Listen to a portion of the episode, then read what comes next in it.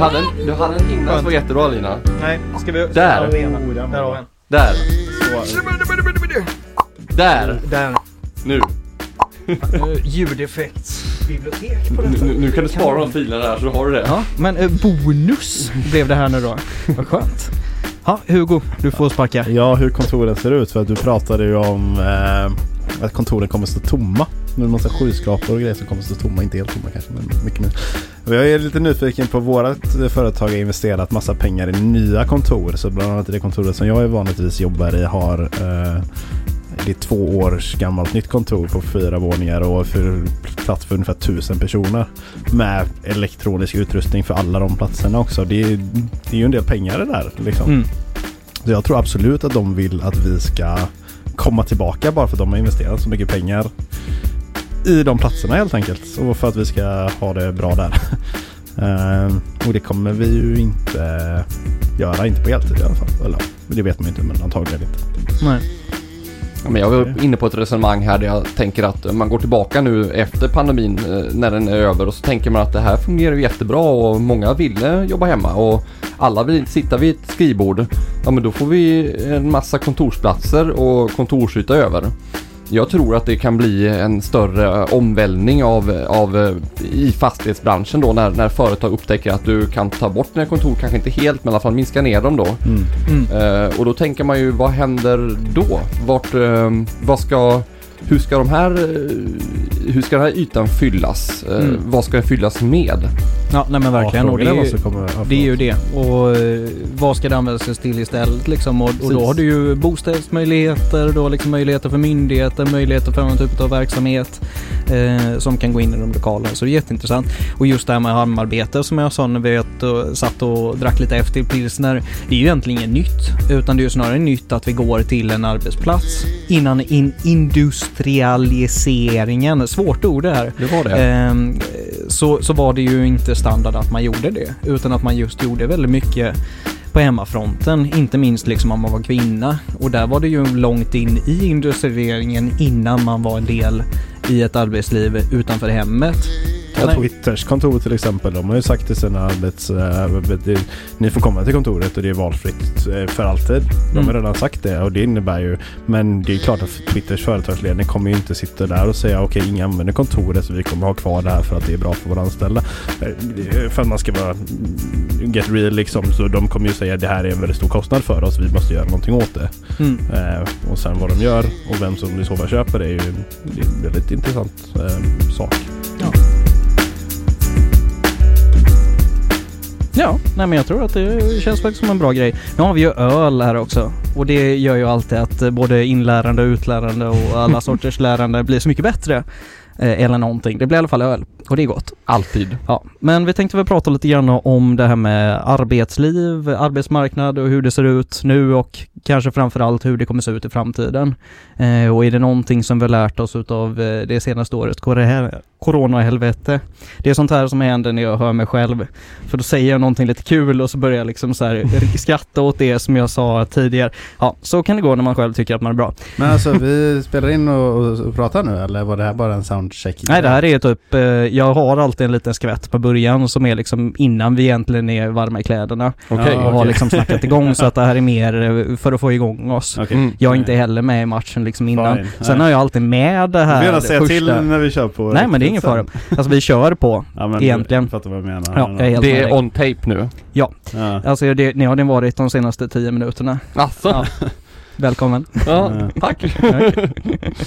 Nej men så är det. Alltså någonstans så liksom det bästa är att bara hoppa rakt in i den djupa änden och så ser man eh, vad som händer. Men eh, arbetstid, arbetsmarknad och lite sånt liksom är väl det vi ska prata om idag. Eh, och det har ju blivit en hel del förändringar nu i och med corona och grejer.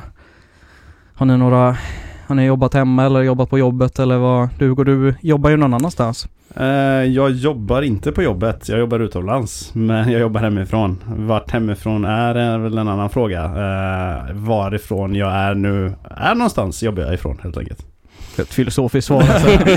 Om jag är- jag, jag är där Om jag, jag- om är, jag är i fast Sverige. jag inte är där jag är. Om jag är i Sverige så jobbar jag i Sverige men på samma jobb och i England Mm. så jobbar jag från mitt, eh, mitt hem i England Ja, men precis. till exempel. Och så har det varit sedan eh, två veckor kanske när det blev på riktigt eh, corona liksom. Mm. Så det är nästan ett halvår snart. Ja. Det är lång tid. Har du varit eh, igång och på firman Claes eller? Ja, jag kan ju, intressanta reflektioner kan man dra här då. Jag har jobbat på samma företag under, eh, under lång tid. Mm. Eh, och eh, vårt företag har haft eh, policies eh, vad som gäller vid hemarbete eller kontorsarbete. Mm. Eh, där policyn stipulerar att eh, man ska sitta på kontoret eh, per definition. Ja. Och eh, beroende på vilken avdelning och, och vilken mm, roll man har så har den varit olika strikt eh, för olika ja, roller då. Mm. Eh, det man kan säga är att den där eh, regelboken, regelverket har ju kastats omkull nu Ja. i och med Corona. Utan Mm. man har mer eller mindre efter Folkhälsomyndighetens rekommendationer tvingat hem folk och, och stängt eh, huvudkontoret och kastat nyckeln eh, Mm. lite så. Framförallt nu under våras men även fortfarande så säger policyn eh, från vår HR-avdelning att det, det är hemarbete som gäller. Eh, och det är lite intressant faktiskt. Eh, vilken kursändring man har gjort. Mm. Eh, för det råkade komma en pandemi emellan. eh, och då undrar man, är det här Otrevligt när sånt där händer alltså. Men, eh? Obehagligt med företagspolicyn alltså. Det är det som måste... Um, det, är, det är väldigt intressant det Klas säger för vårat företag har också ändrat filosofin helt. Vi hade inte riktigt en hemma, jobba hemifrån kultur eh, innan vi började heller. Utan det är också omkastats väldigt mycket på vårt, på vårt jobb. Eh, de förväntade sig innan att vi var på kontoret i stort sett varje dag. Om man Mm. inte mådde lite dåligt eller någonting sånt innan. Mm. Nu är det såklart om man mår dåligt sådär. Ja. Eh, va? Ni hänger nog med vad jag menar. Mm. Nej men Ja. absolut. Nej så är det ju, jag tror ju, för min del så har det ju ändrats absolut minst utav oss det. Sen är ju klart att jag som resande eh, säljare då inte kan vara ute och besöka mina kunder och det är ju ett avbräck eh, och, och någonting som påverkar otroligt mycket. Men jag skulle vilja säga att jag jobbar ändå halvtid hemifrån med det och med företaget i stort sett enbart hemifrån. Så att eh, det mesta utav min arbetstid är ungefär som vanligt. Ehm, Men det är klart, det blir ju spännande att se liksom vad som händer med, med de flesta jobb och framförallt kanske jobb som, som inte går att göra hemifrån. Alltså du har ju en dam som jobbar i vården till exempel. Det är ju lite lurigt att ta hand om någons förkylning hemifrån. Eller för den delen amputera ett ben eller vad det är för någonting annat liksom som gäller. Sen är det klart, det går ju att lösa på en del sätt men det är fortfarande ett, eh, ja, för många. Sitter man i kassa på ICA också svårt att göra hemifrån. Eller om du står och packar kameror liksom och Canon så också svårt att göra hemifrån. Så att, eh, ja. Men vad är det här någonting som vi kommer fortsätta se? Att man kommer sitta hemifrån eller liksom vad, vad tror ni blir konsekvenserna? Vi kan väl börja med punkten som du precis tar upp att det finns ju jobb som kräver att man är, är på jobbet. Ja. Eh, och där kommer vi väl inte se någon särskilt stor ändring. Jag tror och jag hoppas att de flesta företagare inser att det faktiskt är möjligt. Något som de inte är lite förvånade över att de faktiskt behövde en insikt med en pandemi för att få den insikten. Eh, för att få folk att, att, att det faktiskt fungerar att jobba på distans eller remote och göra inte alla jobb. Det är klart att det finns viktiga möten och sådana saker som man kanske måste ha fysisk närvaro för. Men eh, vissa jobb, nej, du kommer inte se någon större skillnad. Mm. Jag på. Eh, flesta tjänstemannajobb tror jag absolut och du kommer se en stor skillnad. Mm.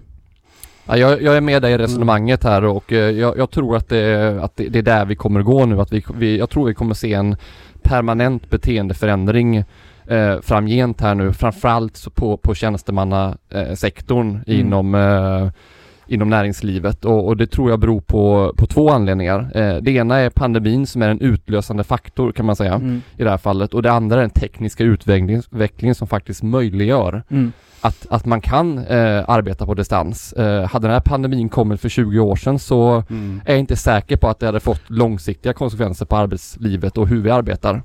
Nej. Jag förstår absolut vad Claes menar, men den utlösande faktorn var ju såklart pandemin. Sen har vi tekniken för det idag. Men jag måste ändå säga att mitt personliga tycker jag är lite förvånad över att den flexibiliteten jag tycker inte att det är så konstigt att den flexibiliteten har kommit nu, men jag trodde ändå att det skulle vara mer flexibelt även inom corona med tanke på att den digitala, digitala medlen som vi har även innan pandemin eh, fanns ju där. Mm. Och vi hade möjligheten att jobba eh, hemifrån eller från någon annanstans för den delen. Eh, ja. Ja, nej men så är det ju absolut och det är med den digitala utvecklingen som är nu eh, i den största delen utav världen ska sägas också, möjliggör ju helt klart till att de flesta tjänstemän till viss del i alla fall kan sitta hemifrån och jag tycker ju en intressant grej som kom ganska tidigt var ju att, eh, var framförallt inom banksektorn i just England för att vara med och spela på din hemmaplan Hugo. Eh, man gjorde sig av med jättedyra kontor mitt i city för man kände liksom så här, det här kostar otroligt mycket. Varför har vi det? Nej men det är mer som representation. Det här är rätt onödigt. Och så sket man i det. Ja, och det är det som fascinerar mig lite att de faktiskt eh, och man får väl faktiskt sätta ledningsgrupper och chefer på, på den nivån att de faktiskt inte har satt in tillit på personalen. Det finns olika sätt man kan kontrollera personal på. Det finns sätt man kan kontrollera eh, sin personal även på, på distans faktiskt och styra ett, ett visst liksom, ledningsarbete på distans och, och på olika sätt. Och att just den mentaliteten var tydlig att man måste kontrollera personer för att vara på plats. Det tycker jag, jag själv min personliga åsikt är eh, ja, väldigt konstigt att det ska krävas en pandemi för. Helt Mm. Jag, jag knyter an på det och jag, jag tror att eh, det finns en konservatism i, inom eh, Absolut. tänket. For starters, you can reverse your sexist employment policies and hire at least one woman. All right. I'll bring in a woman, but I still stand by my hiring policies. Get back to work, Stuart. Jag, jag nämnde tidigare våra policies, de, de, eh, de var inte eh, dagsfärska när pandemin bröt ut utan eh, nu, jag kan inte svara på hur gamla de var men, men säkerligen 10-15 år gamla Ja. och så har man reviderat dem i små steg utan det finns säkert en konservatism som, som gör att man Precis som du säger att teknikutvecklingen har varit lång och och gått långt eh, och det har funnits teknik för det här redan tidigare. Eh, Men jag tror mycket på att pandemin är en utlösande faktor. Eh, Sen vill jag ta upp en, en, en frågeställning om man eh, får göra det i kör. den här podden och det nej, är, jag nej, det tänker är lite fan. på Det är bara jag som... Nej. Ja, jag, jag, jag, Titta- Titta på chefen jag har här. en del frågeställningar också som jag vill ta upp Ehm, faktiskt. Och det, det, det är mm, egentligen två frågeställningar då och det ena är då den, den sociala biten, vad, vad den gör för, för medarbetarna och eh, kreativiteten när man eh, inte träffas eh, Mm. kontra träffas på kontor. Det andra är produktiviteten. Ja. Eh, ökar den eh, om man eh, ökar tilliten och flexibiliteten för, för medarbetaren eller ehm, eh, minskar den för att Mm. man, man kommer längre från eh, huvudkontoren och, och från chefen och så vidare. Så det, det tycker jag är två intressanta frågeställningar som jag tror man kan fundera på. Mm. Jag tycker det är väldigt intressant samstämmande och det är så två de, de hänger ju såklart ihop, det finns, men det är ändå två olika saker med, med sociala biten. Anledningen till varför jag säger att det är två olika saker var för att jag pratade faktiskt med forskare på företaget som hade gjort en eh, studie kring just den sociala biten och eh, hur det påverkar. Mm. Och det var negativt. Eh, att man har du tappar motivation till exempel för jobbet. Du känner dig inte lika lojal till arbetet för att du inte får ut den sociala Nej. biten och, och du tappar motivationen Mm. kring arbetet. Mm. Men samtidigt, jag vill ju såklart prata upp hur hänger det ihop med produktiviteten i så Ja. fall. Och då så visade det sig eftersom det är en så akademisk studie så hade de ju enbart fokuserat på den sociala, hur det Mm. påverkar. Ja. Och Så tyvärr fick jag inte svar på just produktiviteten. Så. Men ehm, för att svara på den första frågeställningen så, så enligt eh, den forskningen som jag har sett i alla fall så påverkar det negativt på det sociala. Mm. Nej, och det, är, väl- det, det är väl ganska logiskt kanske. så. Jag menar liksom så här, om jag kollar på min egen empiri och hur jag har jobbat så tittar jag in på kontoret mer för att ha den just den sociala biten. Mm. Eh, och såklart jag får den i samband med kunder och så, men det, det handlar ju mer om att göra, svetsa igen, svett, svett, ah, svetsa ihop mig med resten utav arbetsstyrkan liksom. Och det är ju därför man tittar in på kontoret rent något mer praktiskt. Och det här har det ju en funktion och en, en viktig grej att trivs du på ditt jobb och trivs du på din arbetsplats och med dina Mm. kollegor så gör du ju ett bättre jobb. Det är någonting som jag tror alla är ganska överens om oavsett vilken studie man tittar på. Det är just det som är det intressanta påverkar, för jag vet ju inte svaret själv på det än. Nej. Påverkar det faktiskt din produktivitet då? För du kanske mår bra på jobbet men ja, det är klart att på något sätt hänger det väl ihop men ja, jag vet inte att det nödvändigtvis faktiskt skulle påverka dig att du blir bättre på ditt jobb för att du trivs bra med det sociala på jobbet. Nej, men Mm. däremot så vill jag nog säga att om du inte trivs på jobbet så är det snarare en destruktiv faktor som gör att du inte blir speciellt produktiv. Det vet jag ju själv. Man har jobbat på jobb som man inte har trivs på. Man tyckte att liksom så här, kollegorna är inte så mycket äng i julgran. Man blir inte supermotiverad att göra ett bra jobb. Men då kanske du blir mer motiverad att du inte träffar dem. Ja, Okej, man kan bolla det här Ja, nej, men absolut. Nej, men det är klart. Man kan- Klas få lite, komma in i bilden alltså. Nej men jag, jag, tror, jag tror det, mm, jag håller med och jag, jag tror det är ett, vi är inne på ett rätt eh, resonemang här nu när, när det kommer till det och eh, jag kan bara härleda till, till mig själv att det, eh, det är väldigt trevligt att åka in till jobbet och eh, snacka med kollegor på, vid, vid kaffeapparaten, men, men kaff, kaffeapparaten. Men även eh, man har problem med någon fråga, gå skrivbord bort, knapp, knacka någon på axeln, eh, Mm. ställa frågan, ha en diskussion, gå tillbaka till sitt skrivbord. Det finns många fördelar med att ha kollegor samlade på, på samma arbetsplats och, och att ha dem i huset så att säga. Mm. Eh, sen så i den andra vågskålen så är det att eh, många reser långt i storstäder, London, mm, där du är, eh, Stockholm, Göteborg, där det går tid. Ehm, eh, Ibland så, eh, vissa människor trivs väldigt bra själv, får en väldigt lugn och bra arbetsro med att sitta själv och jobba med sådana saker. Så att det, det finns olika delar i vågskålen, Mm. tror jag.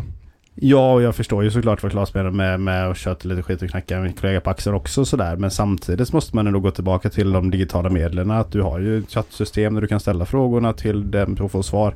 Absolut att det inte ger samma sociala effekt. Men jag menar bara att det går ju möjligt att göra det digitalt också. Mm. Eh, men Absolut, men det blir ju andra sidan inte riktigt lika naturligt och det är ju liksom det där, det Absolut vet ju alla som har någonsin haft ett eh, Skype-möte eller ett eh, Teams-möte eller vad man kallar det för möte på nätet. Man är ju trött på skiten. När det väl är över så vill man klicka ner det. Ehm, och det finns ju inte riktigt den här kafferamsa-auran för man sätter sig inte med en pilsner eh, en eh, stund, det är inte så många jobb som har pilsner om man inte jobbar i Danmark men ehm, ja, ni fattar min grej. Det är liksom inte så att man ses en kvart innan och liksom så här snackar husdjur och barn. Mm. Utan det blir lite grann medan alla ansluter men det är inte så mer än att liksom hej hej. Eh, och det är, ju, det är ju en nackdel skulle jag säga. Att man tappar lite grann på den här sociala biten.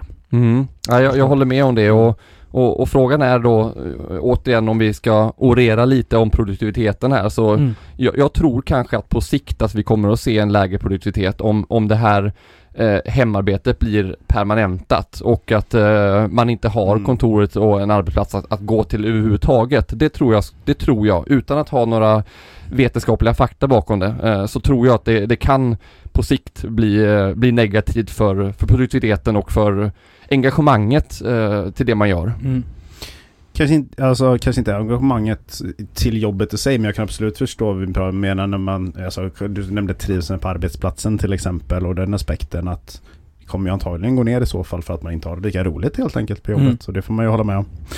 Ehm, jag tänkte ta upp en annan frågeställning men Jag tänkte bara innan vi släpper in dig med en annan frågeställning så vill jag bolla lite grann på det här just med produktiviteten. Nej men jag tror inte att det kommer liksom gå ner något jättedrastiskt. Eh, mycket för att om man har, eller det blir lite beroende på, då kan vi blanda in lite det här med arbetstid liksom. Ska jag sitta åtta timmar framför mitt eh, hemmakontor eller min dator eller min, vad det nu är för någonting.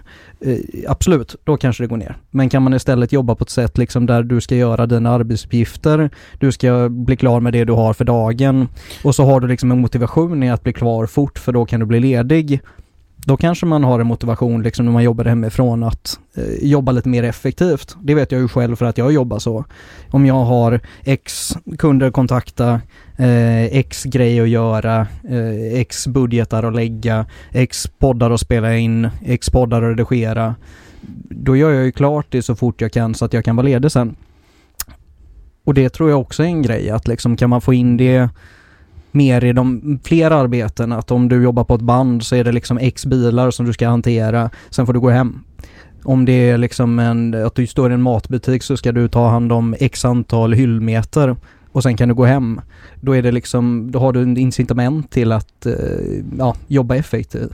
När det kommer till eh, jobba hemma, jag tror att ändå att Alltså du, vi pratar ju om framtiden om det kommer fortsätta så. Eh, eller jag skulle gärna se i alla fall att arbetsgivare i fortsättningen kanske har en lösning på båda problemen om man ska eh, säga så. Eh, så att man kanske är inne på kontoret två dagar i veckan Mm. för att få och då måste alla vara inne på kontoret så att man får ett socialt utbyte. Och sen de tre andra dagarna får man välja fritt helt enkelt. Det tycker jag hade varit en väldigt bra lösning. Vad tycker Mm. du om det? Ja men jag, jag, jag tror att, eh, jag, jag tror på det också. Mm. Jag tror att det kan vara lösning och jag vill knyta an lite på, på ditt resonemang Per här med, eh, med arbetstid också som är en väldigt intressant eh, fråga och en, en politisk fråga i allra högsta grad och en, en samhällsfråga som, som har eh, lurat eh, i den politiska debatten un, under lång tid faktiskt. Mm. Ehm, och jag, tror att ehm, jag ska väl säga då eh, att, att personligen så är jag skeptisk till eh, arbetstidsförkortning och, eh, i den mån som debatten har varit och de förslagen som har legat här. Mm. Däremot så tror jag att med ny teknik och det vi varit inne på här nu där, där gränserna för kontorsarbete och hemarbete och vad ett arbete är suddas ut och det tror jag kommer hända ännu mer i framtiden så tror jag att, att eh, stämpelklockan så som den såg ut förr är kanske på väg att försvinna. I alla, Mm. alla fall att den, den eh, sa, att relevansen och betydelsen minskar. Och det öppnar jag också upp för att det blir det här med arbetstimmar, om du sitter åtta timmar eller nio timmar eller sex timmar.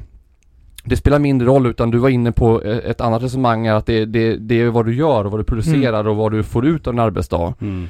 Eh, sen som slutgrej, sen så ska jag eh, inte prata mer. Ehm, Prata på. så eh, sätter ju, det sätter ju mycket individuell ansvar också. Ehm, om du om du ska ha ett beting och, och göra det och göra det på distans hemma så sätter du ansvar på individen att individen ska klara av att uppfylla sina mål. Mm.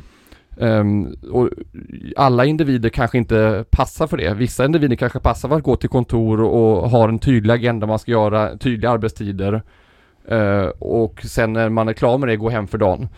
Så jag tror att det är, där kan vi säkert diskutera mer, men det, det finns nog många frågeställningar till eh, för och emot eh, både hur du arbetar, var du arbetar och eh, hur lång tid du arbetar på en Mm. dag. Det är väldigt många frågor som Claes har tagit upp nu, eller samtalsämnen som jag tror att vi kan gräva in djupare på. Definitivt saker som jag själv funderar på mycket Mm. innan, innan jag kom hit till exempel. Om eget ansvar och vissa personer som kanske jobbar för mycket eller jobbar för lite och så vidare. Mm. Eh, men bara gå tillbaka ett steg.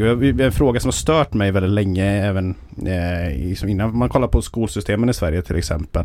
Så pluggar du och så, inte skolsystemen i sig men skolan generellt bara.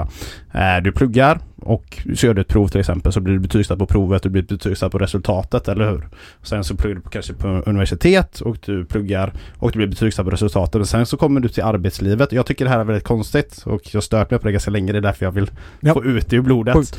Eh, men sen när du börjar på ett arbete, visst de kollar på resultatet men då blir du istället mätt på arbetstid. Där Mm. du tidigare Mm. har blivit mätt på På hur resultatet väl av ditt arbete. ifrån dig. Mm. Och det, det är en fråga som har stört mig väldigt länge. Mm. Jag, ville, jag ville bara nämna, nämna det Mm. och få med det. Den här, eh, ja men som en diskussionsfråga varför, varför det är så i så fall. För Mm. man lär ju sig från skolan, man lär sig från universitet för att komma ut i arbetslivet och sen är det annorlunda där. Mm. Det, Nej, Det väl- och nackdelen med arbetstid är Ja. ju just det liksom så att det blir ju nästan negativt att vara effektiv för då får du göra mer arbete. Sen Mm. klart, när du blir stimulerad av ett arbete och trivs och tycker att det är roligt så vill man ju göra mycket.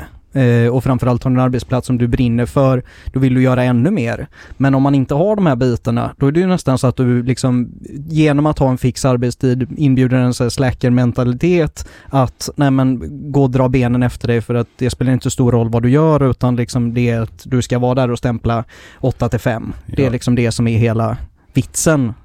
Jag håller ju absolut med Claes om att den här stämpelklockan lär är på väg att försvinna från Mm. de flesta jobben. Såklart att det finns jobb där det fortfarande kommer vara att man jobbar vissa tider som montör till exempel eller något sådant. Men eh, jag tror att det intressanta, eller just det som jag tycker är intressant med just det, är det som, som Claes är inne på med individens ansvar för att om du kollar på arbetstidslagen till exempel så är den framförallt reglerad för att du ska jobba för mycket. Mm. Och det är personer som kanske har svårt att distansera sig och hitta liksom sätt och rutiner som faktiskt fungerar för att jobba hemifrån som måste vara på kontoret för att klara av det. Hur gör Mm. du då? Hur gör de personerna eh, när till exempel kontoret försvinner och, Mm. och för det psykiska välmåendet? Mm. Eh, det var ändå arbetsgivarens ansvar ändå att ta vara på individen även om den jobbar hemifrån. Men frågan är då hur, hur gör man det till exempel? Det är ju svårt som en chef. Jag kan förstå dilemmat. Jag tycker inte det är svårt med ledarskapsperspektiv att sätta mål och, och sådana saker och faktiskt göra så att personer får ett jobba eh, så, som en chef eller som en ledare. Eh, det är ganska tydligt. Du behöver göra det här och det här förväntar jag mig att du ska göra. Mm. Helt enkelt. Sen kan det vara olika tidsramar på det och så vidare. Men då kanske, eh, jag kan inte veta om Per min anställda, att jag, jag kan inte veta om du sitter och jobbar fem timmar eller tio timmar om dagen. Nej. Och det är där själva problematiken med arbetstid och hela den här gråzonen Mm. kommer in i bilden. Ja, och det är väl någonstans därför jag tycker att arbetstiden är ganska irrelevant för att förutsatt att du klarar av ditt jobb om oavsett om det är att sitta på möten eh, och, och eh, rita kludd på en whiteboardtavla eller om det går ut på att liksom städa en hel kontorsvåning när du är klar med ditt jobb så är du klar med ditt jobb. Någonstans så är det ju liksom resultatet utav ditt arbete som är det väsentliga och det viktiga. Eh, jag tänkte innan vi går över på eh, lagar och regler och sånt där som vi skulle prata lite mer om så tänkte jag att vi eh, ska bara avsluta det med arbetstid och det är väl också en bredare grej för nu har vi pratat väldigt mycket kontor. det är väl kul att bjuda in resten av världen också som ändå är den mm, stora majoriteten i det här sammanhanget. Nej men just det här med liksom när det kommer till arbetstid så har det ju varit en debatt fram och tillbaka på liksom först var det 12 timmar, sen var det 10 timmar, sen blev det 8 timmar och nu är det ju många som vill att det ska bli 6 timmar istället. Eh, även på jobb som liksom, eh, ja just du kanske får, om du jobbar effektivt 8 timmar så får du mer gjort på 8 timmar. Och det är ju det som är svårt att komma undan. Men när det har gjorts ganska mycket tester, både, det finns ju ett par fabrikstester, det finns ett par vårdcentrals tester gjorda på vårdcentraler säger vi istället, eh, där det faktiskt har funkat väldigt bra. Eh, sen finns det ju tester där det inte har funkat lika bra heller naturligtvis, men eh, jag tror ändå att det är någonting som vi också kan se att det skapar ju ändå, i en värld där vi har en ökande befolkning och kanske till viss del en, en eh, minskning av antalet jobb, framförallt om vi liksom pratar om transportindustrin, liksom tillverkningsindustrin, digitaliseringen där det tar över liksom. Då kanske den typen av arbeten som dessutom är ganska fysiskt krävande kan gå ner i arbetstid men då effektiviseras. Eh, eller snarare då, eh, ja men effektiviseras under den arbetstiden som de har. Men också att man får möjlighet till kompetensutveckling och liksom, ja, att de kräver lite mer utav de som gör kom, jobbet. När det kommer till specifikt arbetstiden för de jobben som inte kräver att man är på jobbet en viss eh, speciell tid. För, för min del, jag tycker att det är helt meningslöst. Det finns ingen anledning. Du har en fast lön och du förväntar dig göra ett visst jobb och vara tydlig med det istället. Mm. Så kan du helt enkelt slopa den här arbetstiden eller arbetslagen och, och fokusera på det. Uh, ja, jag, jag, jag tror så här, precis som du sa där Per, så uh, tror jag att man får titta vilken typ av jobb det är. Uh, nu talar vi kontor och, och då jag, håller jag helt överens om resonemanget och jag tror vi kanske är överens om att eh, det, där är det nog, det, det är viktigt vad, vad, du producerar och vad du faktiskt gör snarare om du jobbar eh, 8 till 5 eller om du jobbar 9 till 6 eller hur, hur du väljer att arbeta. Mm. Eh, sen kommer vi då till de här eh, tillverkningsindustrin. Eh, mm. Blir lite mer komplicerat. Eh, en tillverkningsindustri är ju en väldigt eh, komplex process med många olika delar, många olika leverantörer, många anställda eh, scheman ska läggas. Där behöver man ha maskinerna igång. Eh, du talade om eh, äldreboende och vårdsektorn, jätteintressant eh, ändå de här testerna med sex timmars arbetsdag som har gjorts här. Mm. Eh, skulle man genomföra det rakt av i hela Sverige som en, som en lagändring som har gjort tidigare, eh, mm. reformer i historien, eh, och man inte kan se en produktivitetsökning så skulle det bli en väldigt hög kostnad för det gemensamma eh, samhället. Eh, så där behöver man hitta modeller hur man kan Um, sänka arbetstiden um, och samtidigt uh, göra att de som arbetar mår bättre och mm. om man mår bättre på jobbet så kanske man är lite mer produktiv och då är, blir alla vinnare på en sån reform.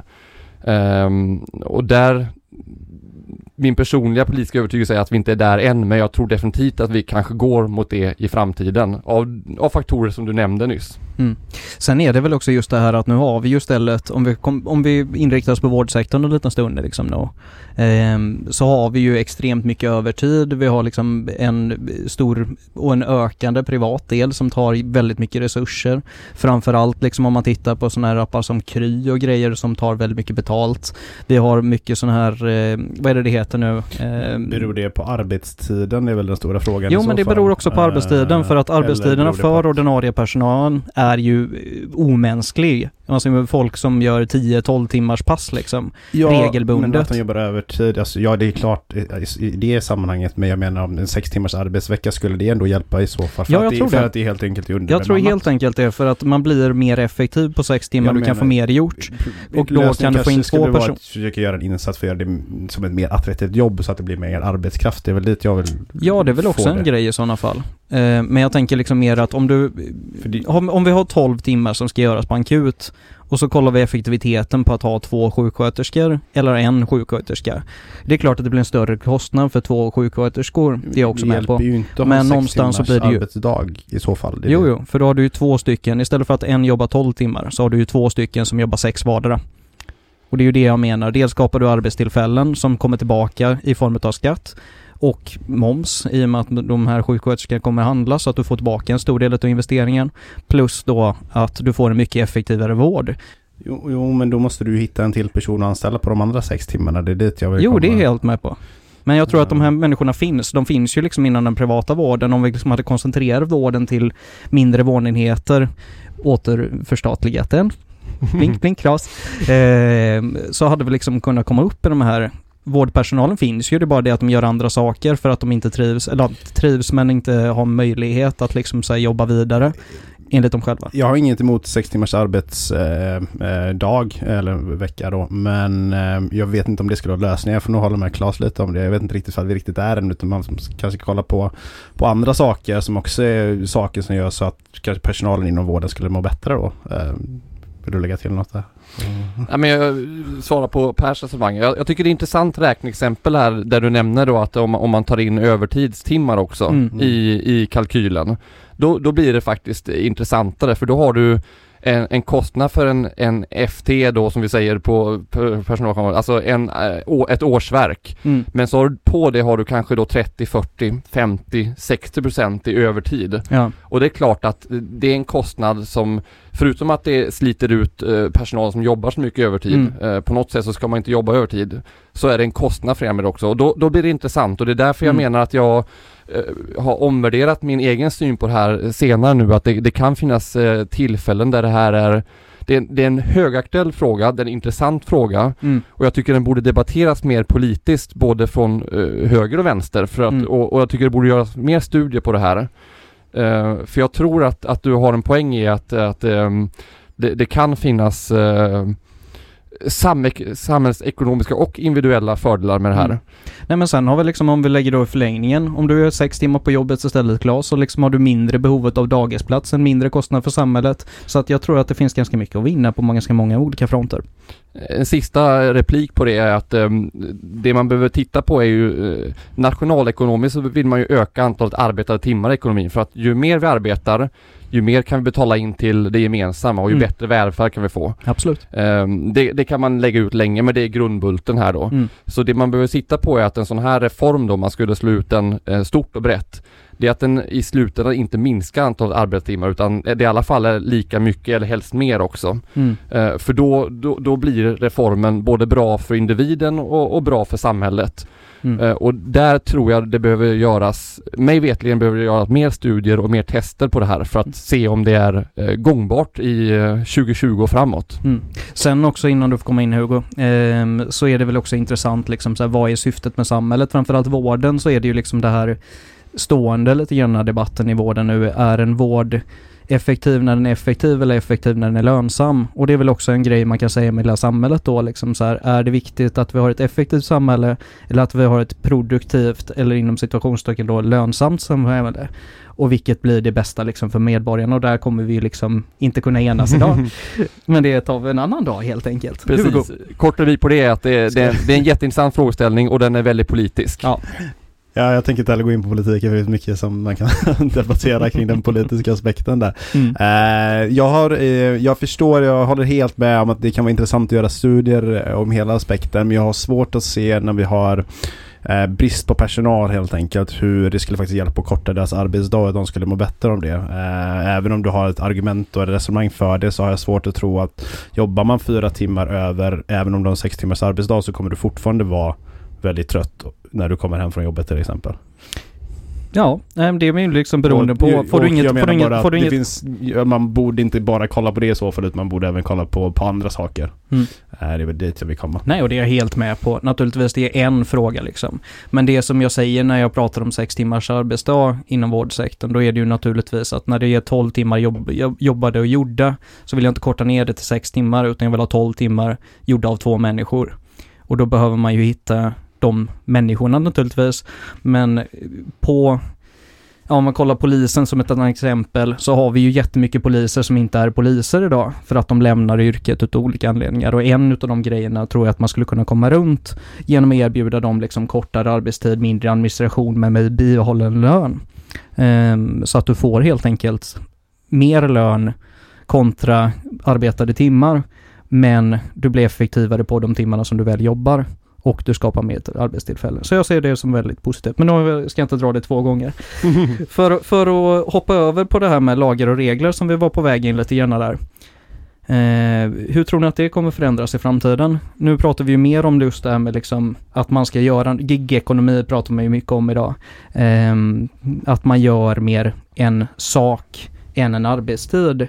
Hur påverkar det regelverket? Jag, jag, visst vi kan komma in på LAS och hela den aspekten lite senare, det tror jag att vi kommer göra. Men om man kollar på lagen i sig så tror jag inte att det kommer ändras jättemycket faktiskt. Utan jag tror snarare att det kommer handla på handlar om ledningsgrupperna på företagen och hur de styr företagen. Jag tror inte lagändringarna jättemycket kommer ändras faktiskt på grund av pandemin i sig. Det handlar nog mer om företagsledningarna och hur de styr eh, bolagen som kommer ändras. Men just lagboken i sig tror jag inte kommer ändras eh, jättemycket just när det kommer till den här aspekten mer än de sakerna som, som redan diskuteras just nu. Mm. Klaus? Eh, om jag ska titta in i framtidskulan lite, alltså bortom pandemi, pandemin och eh, kanske titta nå, mm, ett halvt årtionde eller ett årtionde framåt så, så har vi några megatrender eh, som vi ser i, i, i Sverige och världen som jag tror kommer fortsätta och det, det är att eh, det ställer krav på högre flexibilitet när det kommer till, som vi har talat om, både arbetsplatser och arbetsgivare. Mm. Vi ser att um, andel industrijobb med hög, hög anslutningsgrad till facken både när det kommer till företag som verkar och de som arbetar inom industrin.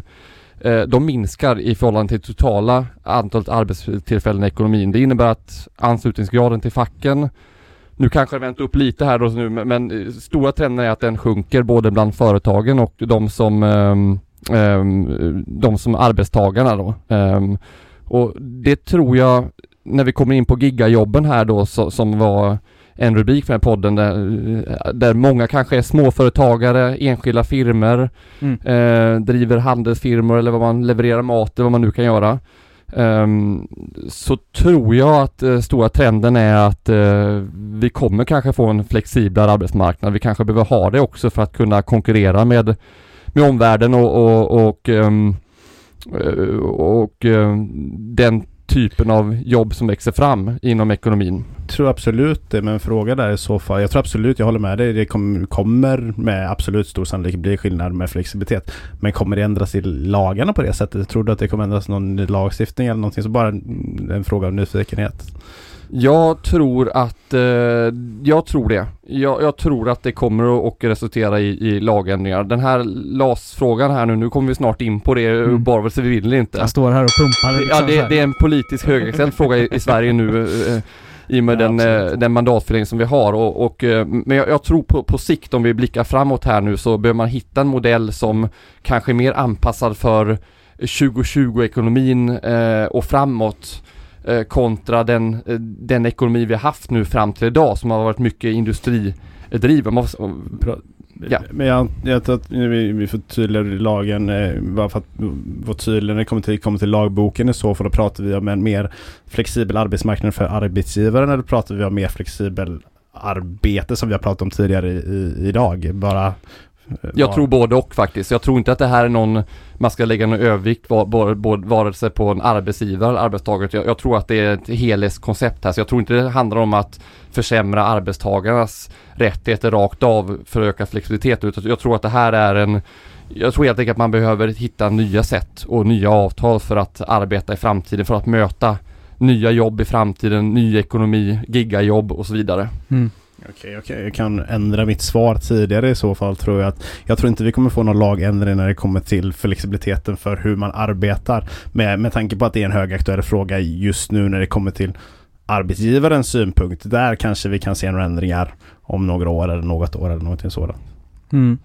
Nej, och det är väl just, som du säger Claes, det är ju högaktuellt nu eh, och jag håller med dig Hugo. Det är, mm, när vi kollar på det liksom rent arbetssäkerhetstekniskt, eh, hur det funkar liksom med den biten, hur det funkar rent praktiskt på arbetsplatsen.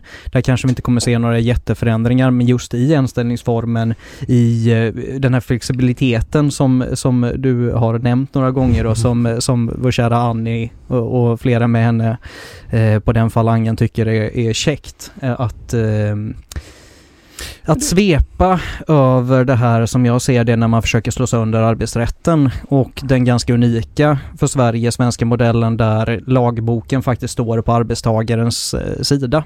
Och det är väl någonstans där som vi har en grundproblematik som jag, för, fast att jag förstår att arbetsmarknaden ser väldigt annorlunda ut idag mot vad ni gjorde för bara 10-15 år sedan men absolut för ja men 30-40 kanske till och med 50 år sedan, eller till och med mer än 50 år sedan naturligtvis. Ehm, och vi behöver anpassa den så får man ju liksom inte tappa perspektivet på att vem är det egentligen som är den liksom viktigaste? Vem är det som lagboken ska finnas till för? Är det för arbetstagaren eller arbetsgivaren liksom? Och eh, ja, vem är det som har rätt i slutet av dagen? Um, Absolut, du har, du har poänger men jag vill också gå tillbaka till Claes. Eh, han nämnde industribiten. Lagarna är, det är många lagar, inte bara LAS, utan andra lagar som också är gamla och de behöver revideras ibland. Mm. Uh, att det kanske är mycket industri och, och kollektiv vad heter det, från fackförbunden som har varit involverade för länge sedan och att man behöver uppdatera dem och kanske bli lite mer modernare. Uh, så frågan är väl i så fall hur och det är det som jag vill komma in på nu i så fall med just eh, en argument, argumentationen kring ändra, ändra lagen är ju för att det ska faktiskt bli enklare att säga upp personer. Rätta mig om jag har fel. Mm. Uh, ja, det, du... det, så är det ju. Uh, det är ett annat ord, flexibilitet. Ja. Mm. Uh, samtidigt så finns det också kollektivavtal där du faktiskt kan reglera det så att det faktiskt blir enklare. Varför pratar de inte mer om det i så fall till exempel? Och det, jag vet att Claes i politisk insats, jag vill gärna ställa den frågan kring, till, till honom. Ja. Ja, det, det, det, är en bra fråga. Jag, jag, kan nog kanske inte riktigt svara på den. Eh, mer än att jag tror att eh, vägen framåt här oavsett om man det, det, är klart att det är en väldigt mycket höger vänster borgerlig mer eh, social eh, vänsterfråga här lite grann men, men jag tror att man behöver hitta ett sätt, eh, min övertygelse i alla fall, eh, är att man behöver hitta ett sätt att, att värna om den enskilda anställde. Man ska inte slå sönder eh, den partsmodell vi har i Sverige. Samtidigt tror jag att man måste försöka, som du var inne på, modernisera och anpassa regelverket eh, till att eh, omfatta framtiden och nya jobb som växer fram här. Och, eh, de är, nu är inte jag någon expert på det, du är nog bättre på det Hugo än vad jag men, men vissa, det här regelverken är rigida i många fall. Mm. Eh, och Nej, eh, jag, tillämpning av dem. Jag, jag, håller absolut med om att det kan faktiskt behövas några ändringar. Eh, för min del. Jag vet att Per kanske inte har en del åsikter. Nej, alltså det är mer att jag... Men, men det, som, det, som, det, som, det, som, det som jag tycker är konstigt till exempel att man ska säga upp personer från eh, från min bakgrund så, så finns det alltid sätt i kollektivavtal. Tar vi turordningslistan till exempel, först in sist ut för att mm. prata ren svenska. Eh, men det finns faktiskt sätt redan idag som man kan undgå de sakerna på. Eh, som kanske inte arbetsgivare alltid pratar särskilt högt om. Eh, men du kan till exempel komma överens med, med fackförbunden om du har ett kollektivavtal de personerna som du vill säga upp vilket gör att du helt undgår turordningslagen, eh, turordningslagen till exempel. Och då får du helt enkelt säga upp de personerna som kanske inte resulterar särskilt bra men har varit där en kortare tid. Mm. Nej men så är det ju och det finns ju redan möjlighet att kringgå lagverket som går, ligger idag för att det ligger på arbetsmarknaden att lösa det för att facken har liksom rätt. Och då kan de förhandla gentemot företagen för att de vill ha kvar person Y för att person Y är jävligt grym på jobbet men person X som har varit där längre kanske då kan få gå i pension fem år tidigare och så är, liksom, är problemet löst. Men tar vi däremot bort det här liksom att person X är, har egentligen rätt att vara kvar, då ju, kan ju företaget bara göra sig av med person X och så har vi en person som kommer bli fattigpensionär pensionär, kommer kosta samhället för, all, jättemycket i beroendet av socialbidrag och sådana grejer för att man inte helt enkelt inte går runt, kanske hamnar på gatan. Nu målar jag med svart färg här, men det är liksom eh, så som jag jobbar emellanåt. Men eh, det som är mitt problem är just att den här flexibiliteten som vi pratar om nu, det handlar mångt och mycket om att man ska kunna göra sig av med folk som är jobbiga på olika sätt. Absolut, den delen utav det, där det är en människa som inte är produktiv, där kan jag förstå ur liksom ett företagsperspektiv, inte jag också är företagare. Det är ju störande. Men när man gör det ur ett fackligt perspektiv att du kan plocka väck den som bråkar och som företräder arbetarnas rättigheter på en arbetsplats, vilket också hade varit möjligheter. Jag har ju läst den där LAS-utredningen till exempel och det reviderade förslaget som eh, LO tackade nej till, det som har läckt ut då än så länge. Och då handlar det just om det att man ska kunna sparka folk godtyckligt och där har vi ju en jätteproblem, mm. för då kommer du inte kunna ha någon, för just att backa till det där som du sa med att folk rinner ur facket. Det är ju inte så konstigt om vi nu ska ta bort fackets legitimitet, för att facket kan bara existera om det inte är på arbetarnas eller arbetsgivarens sida. För att säger du emot, då får du sparken som facklig representant, fuck you. Och därav ett grundproblem. Och det är ju någonstans det, det är därför jag står just nu med halva foten i mitt fack eh, och väntar lite grann på, för de, jag är med i Unionen och de har ju redan nu sagt att liksom så här, nej, men det kan ju vara en idé att titta på det här. Det kanske är en idé att backa lite grann och, och släppa in att liksom tulla lite grann på turordningsreglerna och, och ta det. Och då har jag sagt liksom så här, nu, nu eh, får ni skärpa upp er eller också lämnar jag och tar något annat istället. Får vi se om det är någon annan som verkar stå kvar, men det är en annan fråga. Men, men det är just det här med att pillar man för mycket i det här, de kullkastade hela systemet och då har vi inte längre en en arbetsmarknad som står mellan två ganska jämbördiga parter. Utan då har du en arbetsmarknad som står det är en mössan i hand-kultur för att använda eh, mitt partis eh, stående fras. En liksom. snabb kommentar där bara, innan jag, för jag mm. verkligen känner på mig att Claes vill svara på det här. Uh, men samtidigt så har vi, världen ändras speciellt det här året. Vilket gör, vi pratar om arbetstid och de sakerna, att det blir mer flexibelt på det sättet. Mm. Säg då att man istället mäts mer på resultat på arbetsplatsen. Då måste du också ha någon form befogenhet att det skulle få konsekvenser om du inte uppför resultaten. Och det är ju där lag och LAS-biten kommer in i bilden. Det var inte relaterat till mm. unionen specifikt på något sätt. Nej. Jag vill bara flika in det, Claes. Ja, men jag, jag, tror, eh, bra resonemang Per och du, du belyser den andra sidan av, av eh, diskussionen och debatten ur ett mer ehm, ja, vänsterperspektiv som, som är bra att ha här och jag tror den viktiga framgent är ju att, att försöka ha en, eh, du nämnde det också, en balans mellan fack och arbetsgivare. Mm. Och, och vad den balansen är, det är ju en väldigt subjektiv fråga. Frågar arbetsgivarna så anser de att, att facken har en övervikt i dagens lagstiftning och eh, Frågar du facken så anser de att, att det inte alls är så att den här, att om det här lagförslaget, LAS-utredningen skulle gå igenom, som jag läst delar av, men inte hela, så skulle det skifta balansen kraftigt då. Um, och, och, där kan vi nog träta uh, länge för det är svårt att avgöra. Det är en subjektiv fråga vad den balansen är och, och självklart så anser jag själv att, att balansen måste värnas. Uh, jag tror den har tjänat Sverige väl. Uh, åtminstone i 60-70 år den här balansen mellan fack och arbetsgivare att, att vi har den här modellen vi har. Den har givit oss ett enormt välstånd och um, framförallt då sedan industriavtalet blev nominerade så har den hållit löneökningar på en takt som har varit bra för oss löntagare men också varit bra för vår konkurrenskraft, våra företag. Något luddigt svar. Eh, jag tror fortfarande att vi behöver modernisera eh, arbetsrätten. Men jag håller helt, helt med dig om och jag delar verkligen dina åsikter och oro att, att, att eh, skruva på det för mycket så att balansen rubbas. Mm.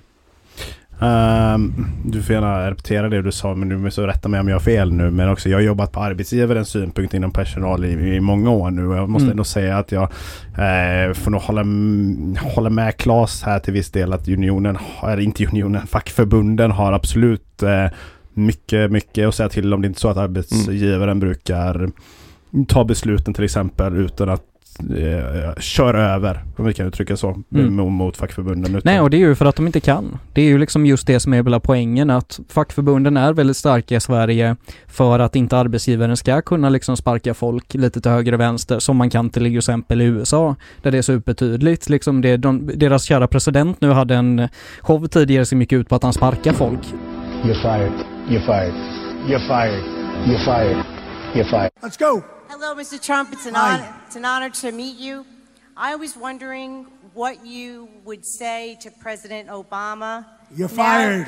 på underhållning liksom, eller som underhållning. Och det är liksom någonstans, det är inte där vi får hamna. Och det är ju det här med att vi ska ha modern lagstiftning, det är jag helt med på. Men en modern lagstiftning är inte att ta tillbaka en lagstiftning som det såg ut liksom i början på 1900-talet innan arbetarrörelsen slog igenom. Där liksom vi hade en, en arbetsmarknad som byggde helt på att liksom så här, du eh, hade tur om du fick ett jobb och då ska du vara jävligt tacksam för det.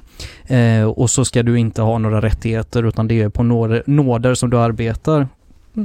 Eh, Snabb replik på det så eh, intressant nämna USA och USA är ju skräckexemplet. Eh, det, det tror jag de flesta eh, debattörer och poliser intresserade i Sverige håller med om att där är det ju ett bra exempel på hur, hur balansen mellan eh, fack och eh, arbetsgivare är, är otroligt sned Mm. eh, till arbetsgivarens fördel och jag, jag tror inte att någon eh, i Sverige vill hitta en sån modell. Eh, Skulle vilja eh, hävda att det sitter ett par som stödpartier till regeringen och deras lobbyistgrupper Ja. som tycker att det är en kanonidé. Jag tror, jag tror inte mitt parti i alla fall har, har eh, drivit den frågan, lyckligtvis. Eh, sen är det intressant att nämna historisk återkoppling i Sverige. Ja, det är sant. Om vi går tillbaka ett sekel, Mm. eh, årsskiftet 1900, så då, då, då hade vi också en balans där, där det var en väldigt ojämnt, där, där, arbetsgivaren hade i stort sett total makt. Eh, Mm. Sen så har det ändrats genom ett antal reformer genom åren som har, som har gjort att fackets makt har stärkt i Sverige. Ehm, och ehm, många hävdar ju då att fackets makt är lite för stark i, i Sverige när, när det kommer till eh, frågor som, som eh, tvister och ehm, LAS-frågan bland annat och ehm, men sagt hur balansen är där och eh, hur man bedömer att eh, att det, om den är bra för Sverige eller inte, det, det är ju en väldig polisfråga men, men ehm, jag, jag tror, upprepar och tror att det, det är bra att man kan titta över regelverket Mm. och se om man kan göra någonting för att modernisera eh, regelverket lite grann. Mm. Det är också så när det kommer till den här lagen att det är väldigt många företag som väljer att ehm, att undgå den via bemanningsbransch och bemanningsföretag där de inte alls har en säker anställning. Och då kan man hitta sätt att kanske effektivisera lagen på vilket gör att folk faktiskt skulle få ett företag faktiskt skulle våga ha tillsvidareanställningar inom, inom företagen. Så, ja, Adecco eller Volvo är väl absolut tydligaste exemplet när de säger upp personer eh, så, så säger de ju egentligen inte upp personer utan de ringer Adecco och säger att ni får skicka hem era konsulter och så blir de arbetslösa. Mm. Eh, bara för att de helt enkelt inte vågar anställa dem på grund av hur lagen ser ut. Och på det sättet så behöver man modernisera det. Eh, och där menar jag väl istället att liksom så här, det är ju lite samma sak, hur ska Sverige bli konkurrenskraftigt? Eh, och då är det ju just för att vi har en frihandelmarknad inom EU men också utanför som gör att vi kan plocka in grejer från Kina, vi kan plocka in grejer som är gjorda i Bukarest eh, till ett billigare pris än vad det är i Sverige för att här har vi regler, förordningar och folk som tjänar mat så att de kan liksom, eller tjäna pengar så att de kan få mat för dagen. Och då tycker jag väl någonstans snarare en rimligare åtgärd är att inte ha så mycket frihandel för att inte förstöra och gå runt liksom den här kampen, arbetarkampen som liksom har drivit upp löner och villkor utan att man liksom backar det genom att absolut, det kanske blir lite dyrare ost i slutändan av dagen men det får vara värt det eh, för att då ha ett fungerande samhälle som, som är till för alla. Sen just för att komma på det här Hugo som du är inne på med att man behöver ha det för att möta Ehm, ja, att man istället har för bemanningsföretag, då är det ju också regler kring bemanningsföretag och hur länge du får ha en tjänst utsatt på bemanningsföretag som jag gärna hade velat se. Och där förstår jag också att i en förhandling mot företagen så behöver man kunna kanske backa på några andra punkter. Och det är väl också någonting som är intressant att ta med i den här diskussionen då. Men den frågan har ju inte nämnts.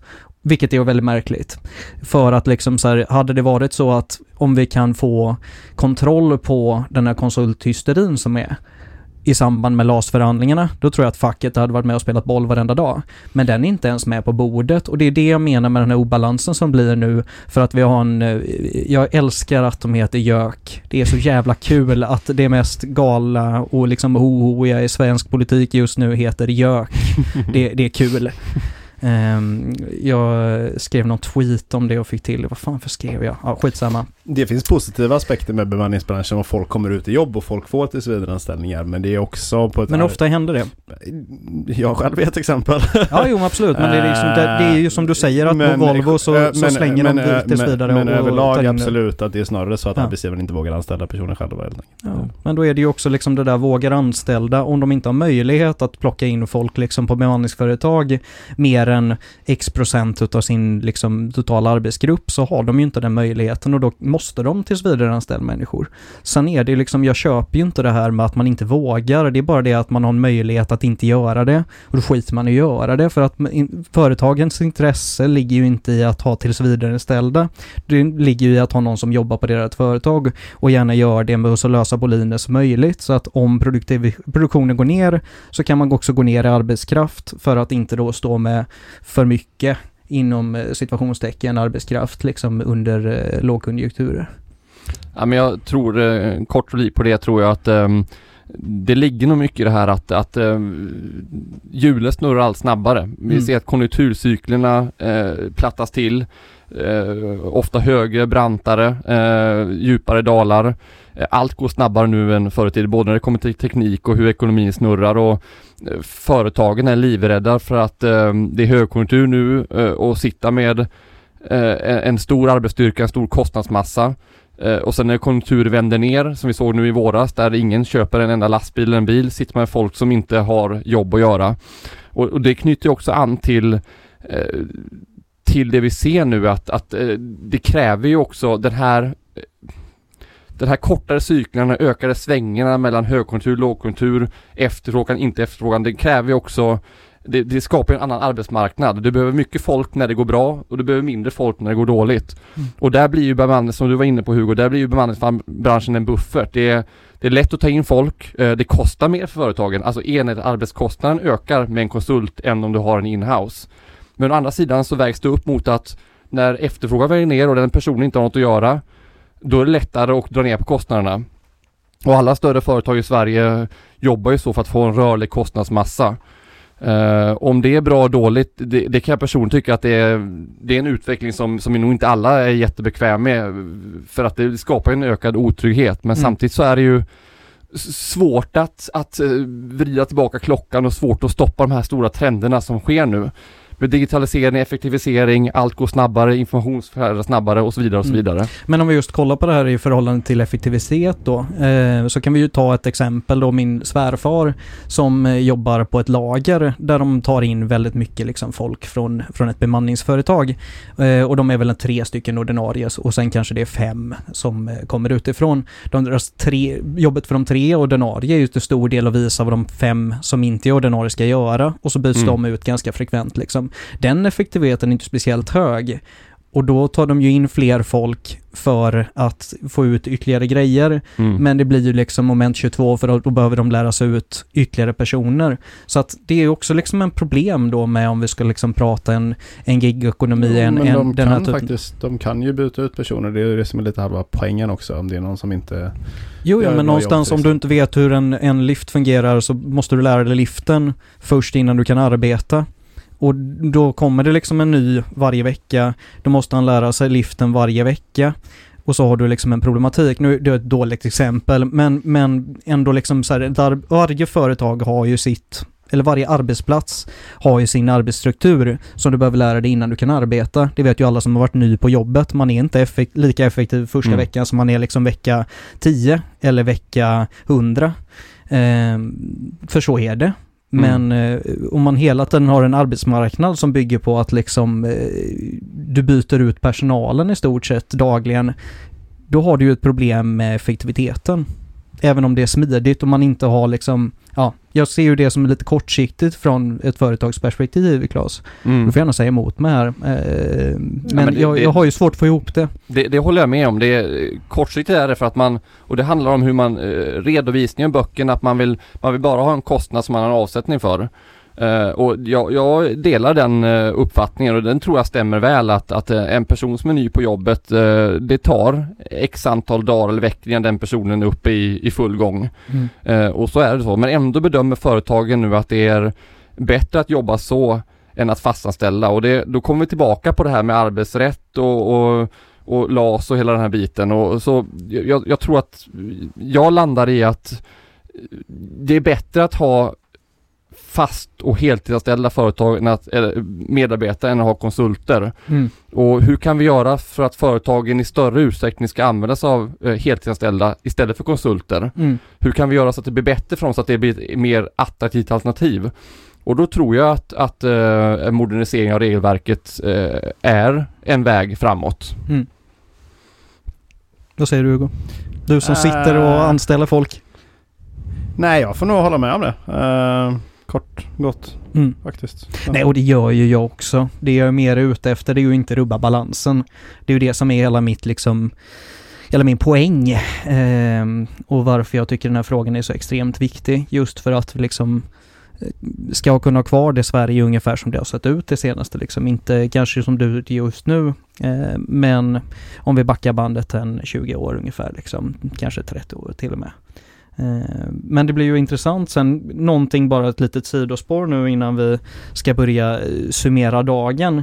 Eh, så vad tror ni om det här med sjukförsäkringen som börjar bli en större del inom vården och också liksom blir en del utav utav arbeten. I USA är det ett extremt exempel i och med att man har ett helt annat sjukvårdssystem och där tar man ju ibland jobb för att liksom det ingår en en eh, sjukvårdsförsäkring. Men nu börjar vi ju allt mer hamna åt att svensk sjukvård fungerar ganska dåligt. Eller långa väntetider i alla fall. Och de kan man kringgå om du har en, en privat försäkring.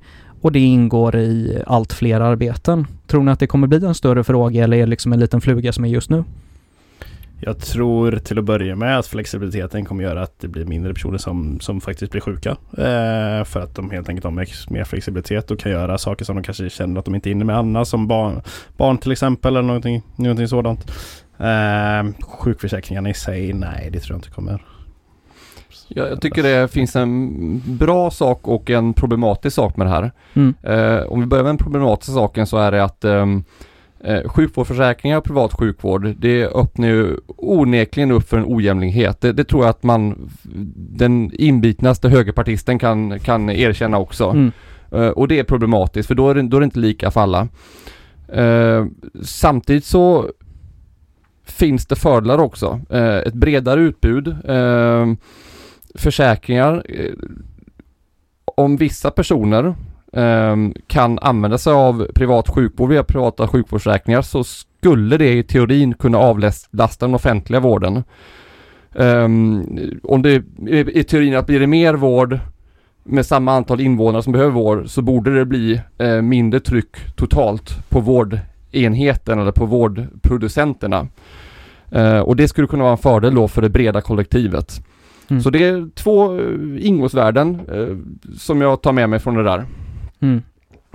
Jag tror ju problemet om vi ska haka upp oss på det där förutom att det blir en ojämlik vård eh, så är det ju också just att den privata vården kostar väldigt mycket. För att man får, eh, det finns en jättebra bok som heter Vårdstölden som handlar om just det här liksom, vad kostar egentligen privat sjukförsäkring och, och vad är det för liksom kostnad samhället. Eh, och utan att stå och ha en lång utläggning så är helt enkelt summan av kardemumman att den blir dyrare vård för den som använder sig av privat sjukförsäkring för att det blir både en kostnad som kommer därifrån för samhället, det blir en subventionering i förhållande till deras lön, som vi har just nu med det regelverket som redan ligger, eh, och eh, du har sedan en faktisk fysisk sjukvårdskostnad. Eh, men jag tänker just i förhållande till arbete så tror jag faktiskt också att den kommer att bli en allt viktigare fråga. Mm. Eh, sen i vilken grad, det är väl en annan sak. Nej men du Men, frågade eh, mig om vad jag tycker om det som, som anställer folk eller vad det kanske är relaterat till något annat. Men det är en väldigt viktig, viktig fråga när det kommer till arbetsgivaren och anställa personer faktiskt. Mm. Att hur man ser ut som en attraktiv arbetsgivare, att erbjuda det till. Och om det är bra eller dåligt lämnar jag till er och kanske svara på i så fall. Men från mitt perspektiv och jobba med HR och rekrytering så är det väldigt viktigt att arbetsgivaren faktiskt kan erbjuda det. Sen om det är bra eller dåligt, det, Mm. det, det Nej, och det är väl samma sak med pension och liksom alla de här sakerna som blir allt mer urholkade liksom i den offentliga. Ju mer urholkat det blir, ju viktigare kommer det ju bli på våra arbeten. Och det är väl också kanske någonting som vi kommer se mer utav att eh, det blir för att inte bara hämta liksom just den här flexibiliteten eller otryggheten beroende på livsåskådning. eh, så är det kanske även det vi kommer hämta lite från amerikansk arbetsmarknad, att de här frågorna blir allt en större del i anställningarna. Så att man kanske tar, kanske till och med tar jobb för att förmånerna är så checka. Mm. Ja, jag vill replikera på ditt resonemang om kostnader och nu, nu kan jag själv inga siffror men, men um, om det är så att, att uh, ett system med uh, privata sjukvårdsförsäkringar, privat sjukvård driver upp kostnaderna för kollektivet eller för, för samhället så, så är då ser jag problem med det. Mm. Uh, för i min värld ska det vara så att um, om det finns vi har offentlig sjukvård ska alltid vara grundbulten i samhället, tillgänglig för alla. Uh, om det är så att privat sjukvård kan komplettera den offentliga sjukvården på ett bra sätt som gör att tillgängligheten ökar Eh, utan att kostnaderna för samhället skattebetalarna ökar, då tycker jag det är jättebra. Men om det är som det du inne på på resonemanget, att det de facto är en, en ökad kostnad i slutändan för den här kompletterade vården i den privata sektorn, då ser jag naturligtvis problem med det också. Mm. Nej, man kan väl säga att det finns ju en uppdelning, för det finns ju privat vård som är privat vård rakt upp och ner. Du kommer in och betalar för din, med, via din försäkring eller på ett annat sätt liksom för din operation och så gör den klart liksom det som ska vara. Och det har ju funnits jättelänge, funnits långt innan vi mm. hade offentlig sjukvård och det ser jag inga problem med. Utan det som är mitt problem är ju den vården som är både privat och offentligt finansierad mm. och då blir det en belastning på, ur ett dubbelt perspektiv då för att du får det för, som en förmånsbeskattning också. Som ett tillägg på din lön. Och där har jag problematiken med det mm. hela. Men utan, det, det, är ett eget avsnitt så att det ska vi inte stå och grotta in oss alldeles i idag. Är det någon som har något sista att säga om, eh, förlåt jag måste bara säga, Högerpartiet. Det är ett tvungigt namn. Det, ja, det, det, det, hade jag velat ha. Ja det är ja. jag också. Ja, inte att jag hade velat ha det, det hade kunnat få vara litet då, så 3-4 procent och liksom ligga där. Försvann Men, väl 1968 eller 9 eller något sånt där tror jag. Är det någon som har något sista? Ja, jag har en punkt faktiskt ja? som inte, jag tror är väldigt viktigt med allt. Inte, inte lagändringar och hela den aspekten, men hur världen går mot den här flexibiliteten, flexibel arbetsmarknad och så vidare. Eh, ledarskapet kring det. Jag tror att det är viktigt för att Claes nämnde ibland annat konservativt, alltså inte alla företag, men jag, man hör ju företag och arbetsgivare som säger att de vill att personer helt enkelt ska vara där även i, alltså i dessa tider. Mm. Hörde några skräckexempel, liksom att du måste komma in till kontoret och kan ju absolut ifrågasätta de arbetsgivarna. Men poängen jag vill komma till i alla fall att jag ser, det, det är intressant att prata lite kring hur, hur man har lett förut och ledarskapssynpunkt jämfört med hur man måste ändra sitt ledarskap till en mer liksom, digital värld. Uh, bara en diskussionsämne. Jag, jag tror att det är ganska svårt helt enkelt att vara chef på en distans och inte kunna träffa personerna och man har liksom inte samma kontrollfunktion om vi kan kalla det, det kanske är lite väl hårt men ja, ni förstår vad jag menar. Mm. Som man har haft tidigare och bara höra lite åsikter om det helt enkelt. Ja. Vill du börja Claes? Uh, nej men jag tror att det är en väldigt bra poäng. Uh, och jag tror att det är nog ingen som riktigt kan svara på den frågan eller uh, det finns inga svar för, för att vi är ett paradigmskifte. Mm. skulle jag säga av en, samma dignitet som jordbruksrevolutionen, industrirevolutionen nu. Alltså den digitala revolutionen. Det kommer ändra sättet vi arbetar, träffas, umgås, interaktioner mellan arbetstagare och chef, företag emellan. Um, på samma sätt som de andra revolutionerna har ändrat eh, våra sätt att leva och, och verka. Um, det kommer att finnas vinnare, det kommer att finnas förlorare eh, i den här revolutionen som alla andra revolutioner. Uh, jätteintressant fråga. Uh, det går att spekulera i vad som kommer att ske men det är väldigt svårt att se nu vad vi landar i någonstans mm. när det här när, vi, när det har satt sig den nya eh, världen. Mm. Absolut. Alltså det, det, fascinerar mig lite ändå för jag tänker tillbaka nu det här året på, på, på chefer man haft tidigare så inte att alla har varit så men eh, Men då att de flesta cheferna har ju ett kontrollbehov mm. och kanske personer som faktiskt har ett ganska stort kontrollbehov generellt och så tar man bort det från dem. Och det är intressant att se hur de personerna i så fall tacklar utmaningen. Men jag har sett vissa exempel som inte alls klarar av det och sen vissa personer som gör det, som gör det jättebra. Eh, jag vet inte vad som är rätt eller fel och så vidare. Det är väl antagligen några uppföljningssamtal och prata med sina anställda och kommunikation. Men det är det, eh, det, det ska bli intressant att se vad som händer Mm. på den Ja, punkten också. Jag tror, för att vara lite så här, eh, redan ha den futuristiska kepsen på sig. Eh, jag har ju haft en chef i Tyskland de senaste fyra åren och jag har precis fått en Sverigechef och en chefchef i Holland. Varpå jag har gjort eh, väldigt mycket eget arbete om man säger så. Och sen har jag alltid trivs med det och tycker det är väldigt jobbigt när jag har någon som går in och detaljduttar på vad jag gör. Mm. För att jag är en sån människa så det är klart att det fungerar olika. Men jag tror, jag ser inget problem i att man ska kunna ha ett ledarskap på distans eller ett ledarskap som inte är lika delaktigt i din vardag eh, rent fysiskt.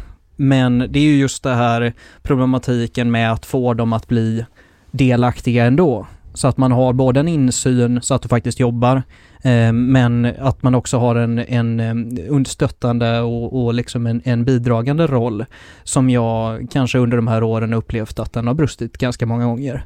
Eh, framförallt i och med att jag var, ja, när jag var ny så var det ju eh, ganska lurigt att inte ha liksom chefen Närstgård som eh, säger så. Ja, men jag jag vill knyta an på det för, för jag tror att ehm, problemet kan uppstå eh, om du har en individ som mår bra av att ha en chef som är närvarande. Precis. En chef som är entusiasmerande, Ja. eh, stöttande, eh, hjälper till vägleda. Man kanske har frågor, man kanske mår bra av att ha en tydlig agenda eller en tydlig plan för vad, vad är det jag ska göra, vad förväntas av mig. Vissa vill ju bli Vissa vissa vill ha det individer så, absolut. vill ha det så Ja. och, och där ser jag väl då eh, avslutningsvis ett problem kanske med, med ett samhälle där vi kommer allt längre ifrån varandra.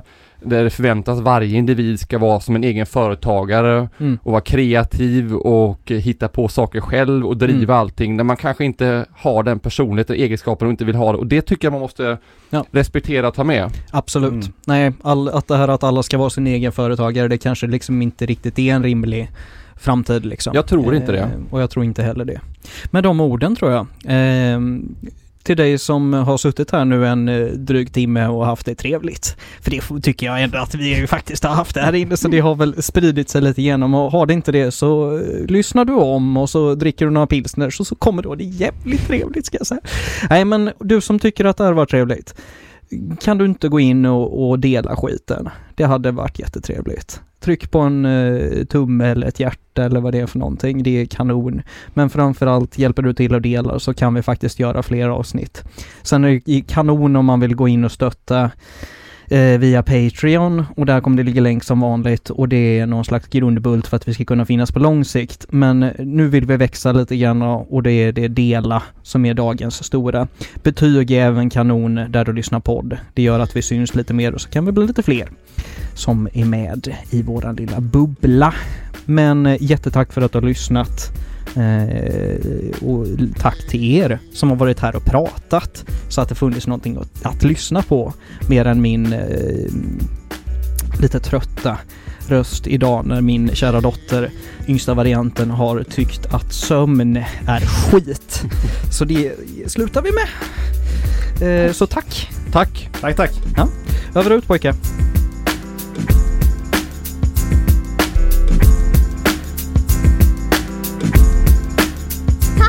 Exponerar produceras av Hakuna Matata Produktion.